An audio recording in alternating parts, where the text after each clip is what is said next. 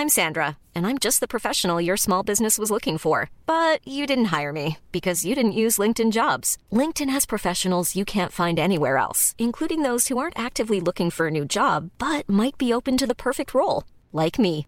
In a given month, over 70% of LinkedIn users don't visit other leading job sites. So if you're not looking on LinkedIn, you'll miss out on great candidates like Sandra. Start hiring professionals like a professional. Post your free job on linkedin.com/people today.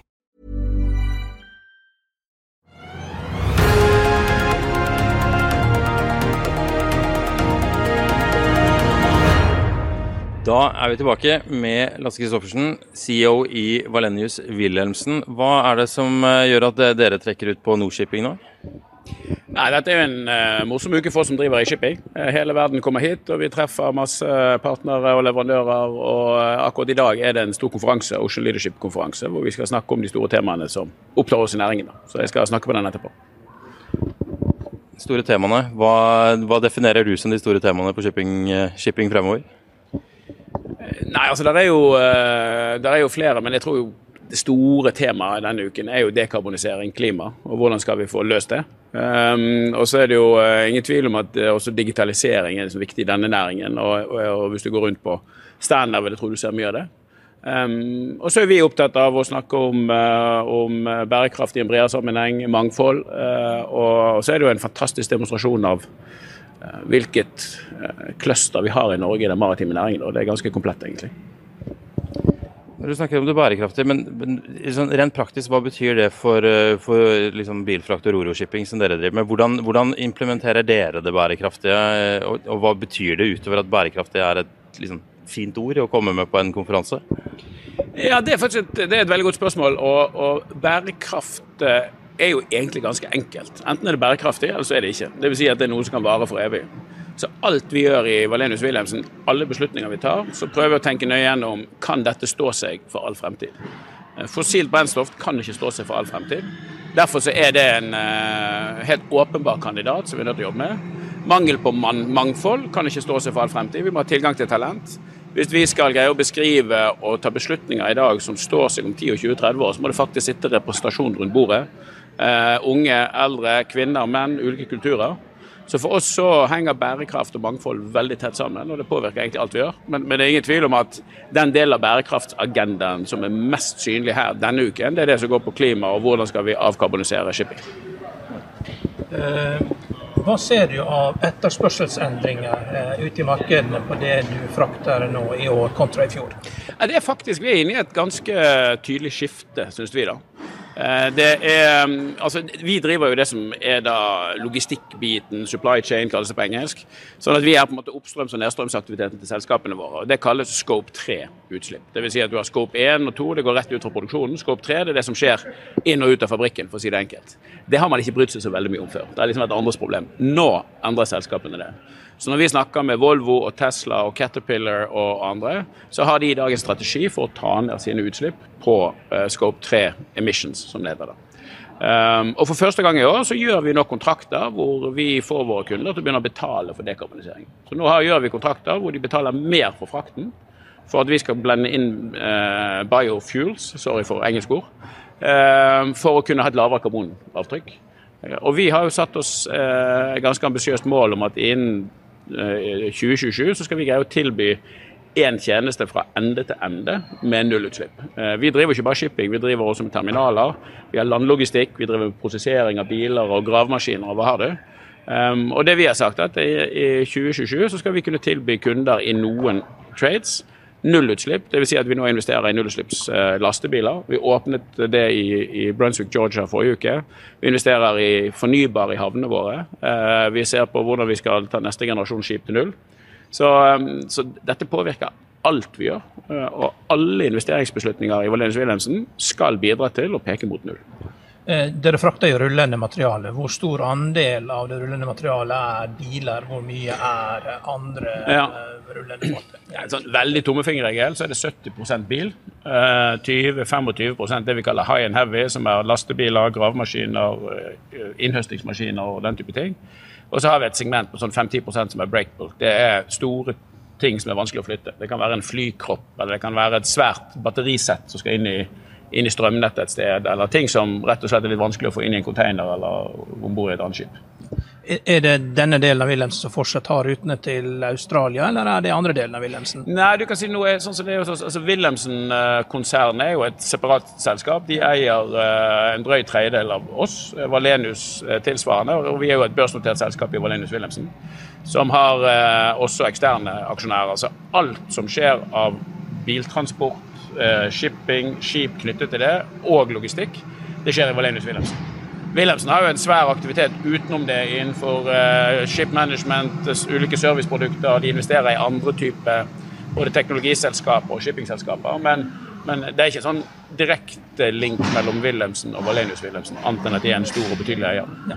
Det er jo en stor diskusjon om uh, hvilke drivstoff man skal bruke i framtida. Ja. Og uh, vi ser jo det Mersk Møller som har egne terminaler, store terminaler, og går på uh, ruter som liksom går veldig mye øst-vest og vest-øst. de har valgt metanol, ja. og da kan de laste opp på sine egne terminaler. og holder på for seg sjøl med det, uten at noen andre bryr seg. Men det, det, er mye vanskeligere for dere å følge en sånn rute, for dere skal til så mange forskjellige ja, havner. Ja, men det er, ikke, det er ikke så veldig ulikt, skjønner du. fordi at uh, For oss òg er det sånn at hovedtraden går øst-vest. Uh, det største volumet vårt er biler og utstyr fra Asia til Europa og USA.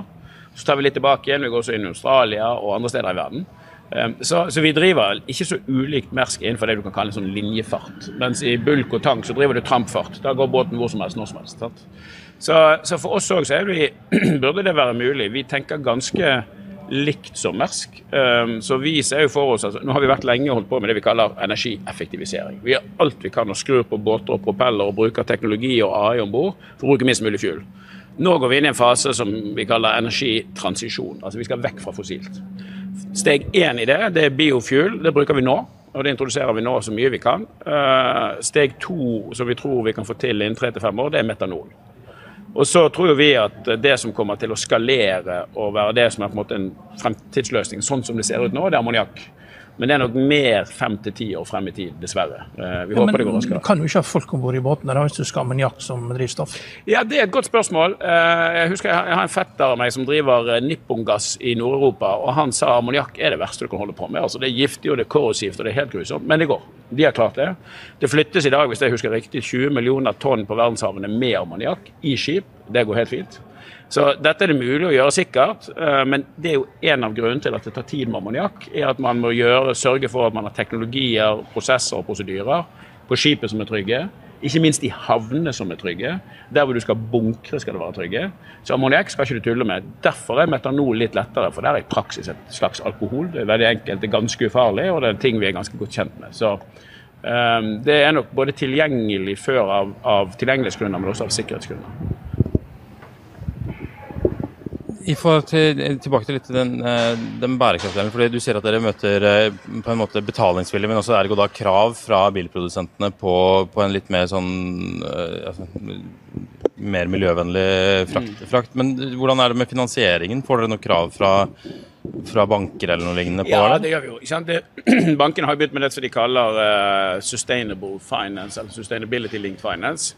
Og Det er tipp topp, det, altså. Men, men, men det er på marginal, altså, skal vi være helt ærlig. Det er på marginal. Det kommer ikke til å drive noe energy transition over, bort fra fossilt uh, fuel, i hvert fall ikke nå. Uh, det bidrar til at vi hele tiden passer på å bli litt mer effektive og vi får litt bedre prising, så det er ikke, det er ikke null, liksom. Uh, men skal vi bort fra fossile brennstoff til ikke-fossile brennstoff, så må vi få kunden til å betale. og Jeg kom inn i denne, dette selskapet og denne næringen for et år siden. og Jeg trodde jo at kundene sto på døren vår og banket på og sa kom igjen gutter, nå må dere, eller jenter, nå må dere levere. Sånn var det ikke. Det er faktisk motsatt. Nå er det vi som går ut og banker på deres dør og sier nå må dere være med og bidra. Dette må vi gjøre sammen. Og skal dere vokse deres uh, forretning med oss, så må dere faktisk nå begynne å betale for dekarbonisering. Um, så, um, men det er en dialog de er villige til å gå inn på. Uh, men er, jeg opplever ikke at kravene kommer fra de. Om noe så kommer de fra oss til de. I'm Sandra, and I'm just the professional your small business was looking for. But you didn't hire me because you didn't use LinkedIn jobs. LinkedIn has professionals you can't find anywhere else, including those who aren't actively looking for a new job but might be open to the perfect role, like me.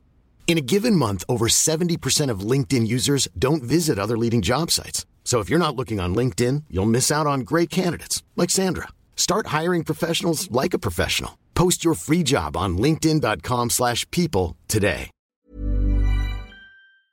I'll see you in court. Vi sier det ofte litt på spøk, men for deg som driver business, er det aldri moro å innse at du ikke har laget en 100% gyldig kontrakt. Du bør ikke risikere hele firmaet ditt fordi du synes dette med kontrakter er litt stress. En avtale er ikke en avtale. Du kan miste kunder, miste venner, ja, til og med miste inntekter om du ikke lager en skikkelig kontrakt, på alt mulig, egentlig. Men vi vet det er et styr. Kopimaskiner, tregprinter og haugevis av papir. Dessuten stoler vi jo på folk her i landet. Det er ofte litt kleint å skulle be om en signatur for alt mulig, ja, for mye av styret handler også om jakten på underskriften. Det finnes en enkel måte å løse dette på, Dukkobit, en trygg, effektiv og get this, gratis måte å sikre seg en god natts søvn pluss en juridisk bindende avtale. Dukkobit-appen har de strengeste sikkerhetskrav i bunn, samt en EU-godkjent og sertifisert teknologi. Framover vil det bli behagelig å spørre du, skal vi skrive under på det, eller? Kom i gang på dukkobit.no. Vi må snakke litt i det korte bildet helt på, på slutten her. fordi eh, Nå kommer vi jo ut av en periode hvor eh, pandemi har drevet bilspørselen. og altså, Det var både den ene siden med disse halvlederne som manglet, og, ja. Det har vært en voldsom etterspørsel etter bil. Økonomien har vært veldig god. Nå går vi over i en mer avkjølt økonomi. Hvordan ser dere på, på etterspørselen av det dere leverer? Forbausende sterk. Forbausende sterk. Eh, og med det mener jeg at vi for seks måneder siden, da, når vi så verdensutviklingen, høyere renter, mer usikkerhet, um, så ville vi forvente at det skulle eh, bli litt uh, softere etterspørsel etter, og at folk ventet litt mer med å kjøpe bil. Men det gjør de ikke. Når vi snakker med bilprodusenter, jeg har vært flere runder nå i Asia, uh, hvor de ser at stort sett de fleste melder om 10 økning i år fra, fra i fjor. Uh, selv på tyng, tyngre utstyr til konstruksjonssektoren, altså byggenæringen, så ser vi at de selger like mye lastebiler. De bare selger flere av de til, til det som kalles eh, mining, altså gruvevirksomhet. Litt mindre til bygging, mer til infrastrukturprosjekter. Så jeg vil si at det er forbausende sterk etterspørsel. Og det som er det er jo ikke sånn nå at det selges fryktelig mange mer biler nå enn før covid. Tvert imot. I 2019 så ble, det solgt i verden rundt 95 millioner biler. I år forventer vi 3-84 millioner biler, så fortsatt er vi jo langt ned fra hva vi kanskje burde vært. Så det er et stort gap igjen å tette. Um, og, og, den faktoren som har drevet etterspørselen veldig mye, er at nye aktører kommer inn. Kina vokser som bare juling. De er tidoblet på tre år, tror jeg. eller noe sånt. Som jo bidrar til store distanser og mye volum, som krever mye kapasitet. Og så er det en liten faktor til. det er at Pga. stor etterspørsel så har det blitt en del ventetid, det vi kaller congestion, rundt i havna, som gjør at eh, kanskje 8-10 av flåten ligger og ikke er produktiv. Så det er ganske mange faktorer som bidrar til det sterke markedet vi ser nå. Så med andre ord, så Du ser for deg at, at businessen deres er bra lengre perspektiv fremover? Ja, altså i, det, å spå fryktelig langt, det har jeg lært meg at det er det ingen som kan. Um, 2023, og det har vi sagt før òg, det ser sterkt ut. Vi ser 2023 som ser noenlunde ut sånn som 2022. Det var vårt beste år noensinne. Uh, vi trodde det skulle være en litt sånn sterk start og roe seg litt utover året. Nå ser det faktisk litt motsatt ut.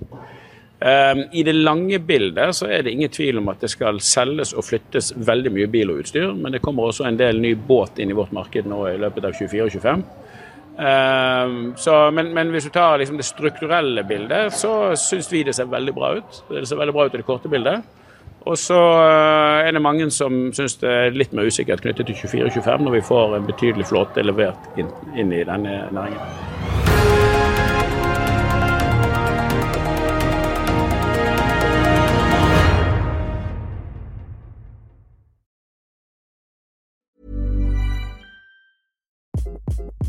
Hi, this is Craig Robinson from Ways to Win, and support for this podcast comes from Invesco QQQ, the official ETF of the NCAA. Invesco QQQ is proud to sponsor this episode and even prouder to provide access to innovation for the last 25 years. Basketball has had innovations over the years too. We're seeing the game played in new ways every day. Learn more at Invesco.com slash QQQ. Let's rethink possibility. Investco Distributors, Inc.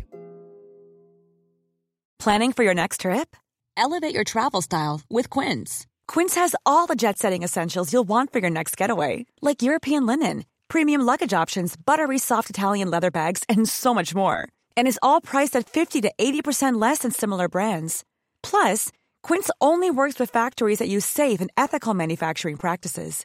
Pack your bags with high-quality essentials you'll be wearing for vacations to come with Quince. Go to quince.com slash pack for free shipping and 365-day returns. Økonominyhetene er en podkast fra Finansavisen. Programledere er Marius Lorentzen, Stein Ove Haugen og Benedikte Storm Bamvik. Produsenter er Lars Brenden Skram og Bashar Johar.